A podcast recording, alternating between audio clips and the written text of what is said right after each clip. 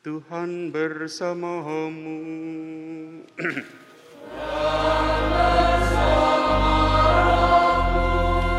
Inilah Injil Yesus Kristus menurut Matius.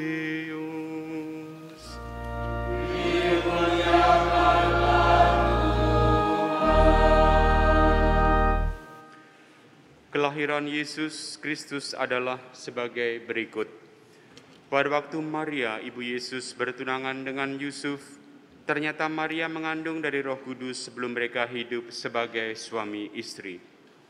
Karena Yusuf suaminya seorang yang tulus hati dan tidak mau mencemarkan nama istrinya di depan umum, ia bermaksud menceraikannya dengan diam-diam. Tetapi ketika Yusuf mempertimbangkan maksud itu, malaikat Tuhan tampak kepadanya di dalam mimpi dan berkata, Yusuf anak Daud, janganlah engkau takut mengambil Maria sebagai istrimu. Sebab anak yang di dalam kandungannya adalah dari roh kudus. Maria akan melahirkan anak laki-laki dan engkau akan menamai dia Yesus karena dialah yang akan menyelamatkan umatnya dari dosa-dosa mereka. Hal itu terjadi supaya digenapi yang difirmankan Tuhan melalui Nabi. Sesungguhnya anak darah itu akan mengandung dan melahirkan seorang anak laki-laki dan mereka akan menamai dia Immanuel yang berarti Allah menyertai kita. Sesudah bangun dari tidurnya, Yusuf berbuat seperti yang diperintahkan malaikat Tuhan itu kepadanya. Ia mengambil Maria sebagai istrinya. Demikianlah sabda Tuhan. Terpujilah Kristus. Para saudara kasih dalam Kristus, Bacaan yang kita dengarkan hari ini semuanya berkisah mengenai Yesus Sang Immanuel. Dalam kitab Nabi Yesaya kita mendengarkan bagaimana nubuat Nabi Yesaya yang menegaskan bahwa seorang berdarah, seorang wanita muda akan mengandung dan akan melahirkan seorang anak laki-laki dan ia akan menamai dia Immanuel. Kita tahu Immanuel berarti Tuhan menyertai kita. Immanuel itu akar katanya sama dengan kata imanen ya dalam bahasa Latin yang berarti imanen itu dekat. Imanen itu Allah yang tinggal dekat dengan kita.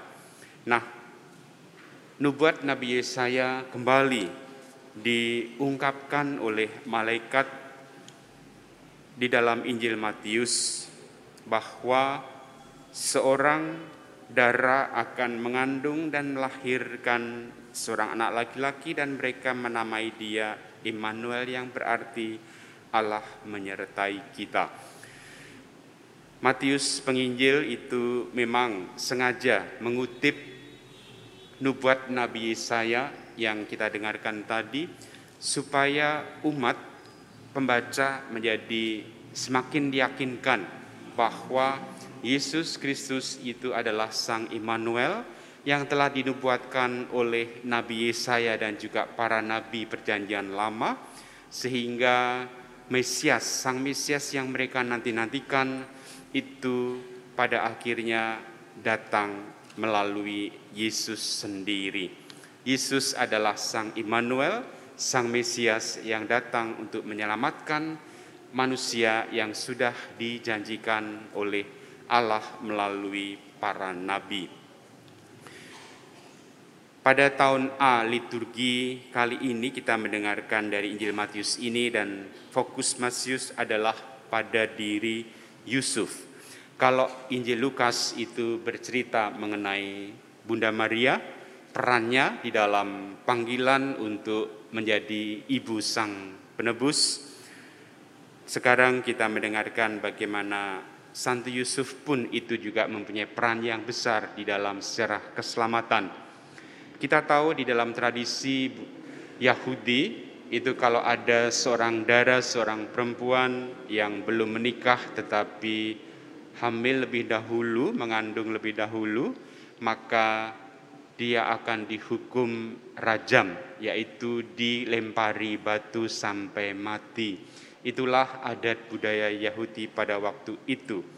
Maka ketika orang-orang mulai pada tahu bahwa Maria itu mengandung tanpa atau belum bersuami dengan Yusuf, tentu lalu itu risikonya sangat besar, yaitu kemungkinan Maria dirajam sampai mati.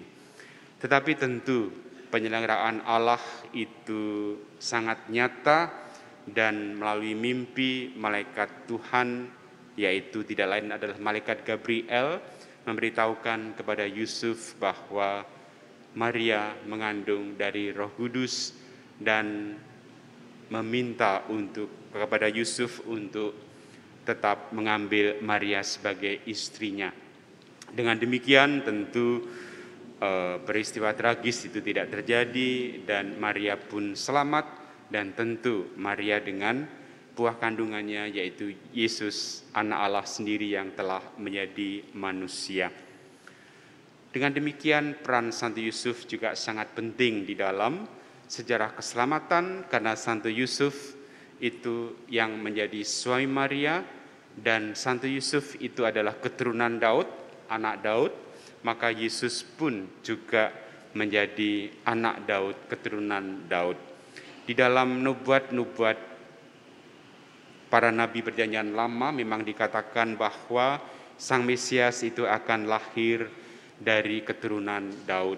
Maka Yusuf sebagai keturunan Daud itu juga kemudian memenuhkan apa yang telah dinubuatkan oleh para nabi bahwa Sang Mesias itu lahir dari keturunan Daud. Kita tahu bahwa dalam budaya Israel Yahudi itu memang juga memakai budaya patriarkal jadi selalu Eh, keturunan itu yang diperhitungkan adalah garis dari ayah. Maka eh, di sini Santo Yusuf yang merupakan keturunan Daud menjadi ayah Yesus, maka Yesus pun juga menjadi keturunan Daud dan dengan demikian lalu nubuat para nabi terpenuhi di dalam diri Yesus sebagai Sang Mesias yang diutus untuk menyelamatkan umat manusia, untuk menebus dosa-dosa manusia. Di dalam Injil Santo Yusuf itu tidak banyak ataupun ya tidak banyak diceritakan hanya oleh Injil Matius dan di dalam Injilnya pun Matius dalam Injil Matius itu digambarkan bahwa Yusuf itu tidak ada tidak berkata sesuatu ya kalau Maria itu masih banyak kata-kata Maria ya tetapi dalam menceritakan Yusuf itu sama sekali tidak ada perkataan di dalam diri Yusuf. Apa artinya? Memang Santo Yusuf itu adalah orang yang sederhana, orang yang rendah hati, dan orang yang tidak mau menonjolkan diri. Maka dia tidak banyak bicara, dia banyak diam, tetapi dia melaksanakan apa yang menjadi kehendak Tuhan. Saya kira sikap Santo Yusuf itu juga perlu kita teladani, yaitu kita tidak perlu banyak bicara, yang penting adalah kita melaksanakan apa yang menjadi kehendak Tuhan. Bisa jadi kalau orang banyak bicara itu bermaksud untuk menyombongkan diri, untuk menonjolkan diri. Nah, hal ini tidak ada dalam diri, diri Santo Yusuf. Dia tidak pernah banyak bicara, tetapi dia selalu tekun, setia, taat melaksanakan kehendak Tuhan. Saya kira inilah yang juga perlu kita teladani dalam hidup kita, bagaimana kita pun juga hendaknya selalu setia, taat, tekun melaksanakan kehendak Tuhan seperti Santo Yusuf dan tidak perlu banyak bicara. Bunda Maria pun itu juga tidak banyak bicara.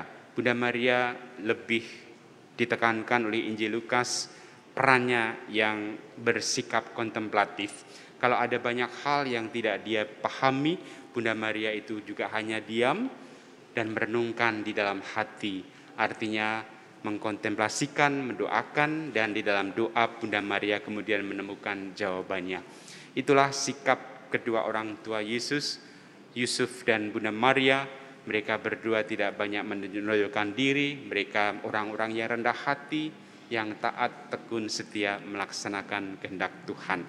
Maka malah kita merahmat Tuhan agar kita pun juga bisa seperti Santo Yusuf dan Bunda Maria, taat selalu tekun setia melaksanakan kehendak Tuhan, tidak banyak protes, tidak banyak bicara, biarlah karya Tuhan melalui Roh Kudus yang akan menuntun hidup kita dan juga menyelesaikan segala permasalahan hidup kita. Sikap kerendahan hati, sikap kontemplatif, sikap uh, tidak menonjolkan diri ini hendaknya menjadi juga sikap kita dalam hidup kita sehari-hari. Maka malah kita bersama mohon rahmat Tuhan agar kita semakin mampu meneladan mereka, Santo Yusuf dan Bunda Maria, tapi juga sekaligus kita juga semakin mampu menyiapkan diri kita untuk merayakan kelahiran Tuhan pada hari raya Natal nanti. Sekaligus Advent juga mengingatkan kita untuk menantikan kedatangan Kristus yang kedua kali, yaitu pada akhir zaman ketika Yesus datang sebagai hakim, menghakimi seluruh bangsa, dan bagi kita tentu Yesus akan datang untuk menyelamatkan kita semuanya. Kita berharap bahwa kita pun pada waktu keselamatan, pada waktu akhir zaman kita sungguh merupakan orang-orang yang seperti digambarkan dalam Injil Matius itu adalah domba-domba, bukan kambing. Ya, domba ada sebelah kanan, kambing sebelah kiri. Kambing itu mereka yang tidak melaksanakan kehendak Tuhan, sedangkan domba yang sebelah kanan adalah mereka semua yang melaksanakan kehendak Tuhan. Semoga kita juga termasuk domba-domba yang setia melaksanakan kehendak Tuhan. Maka malah kita merahmat ini dalam Ikaristi ini agar kita semakin siap menyambut kedatangan Tuhan di dalam hidup kita, dalam hati kita, dalam keluarga kita, dan di mana pun Yesus hadir dalam diri setiap orang, dalam diri khususnya orang-orang kecil, kita pun juga siap untuk menyambut kedatangan Yesus melalui mereka semuanya. Kita siap untuk berbagi kasih, untuk bermurah hati, untuk berbagi sukacita dengan siapa pun, dengan setiap orang yang kita jumpai dalam hidup ini.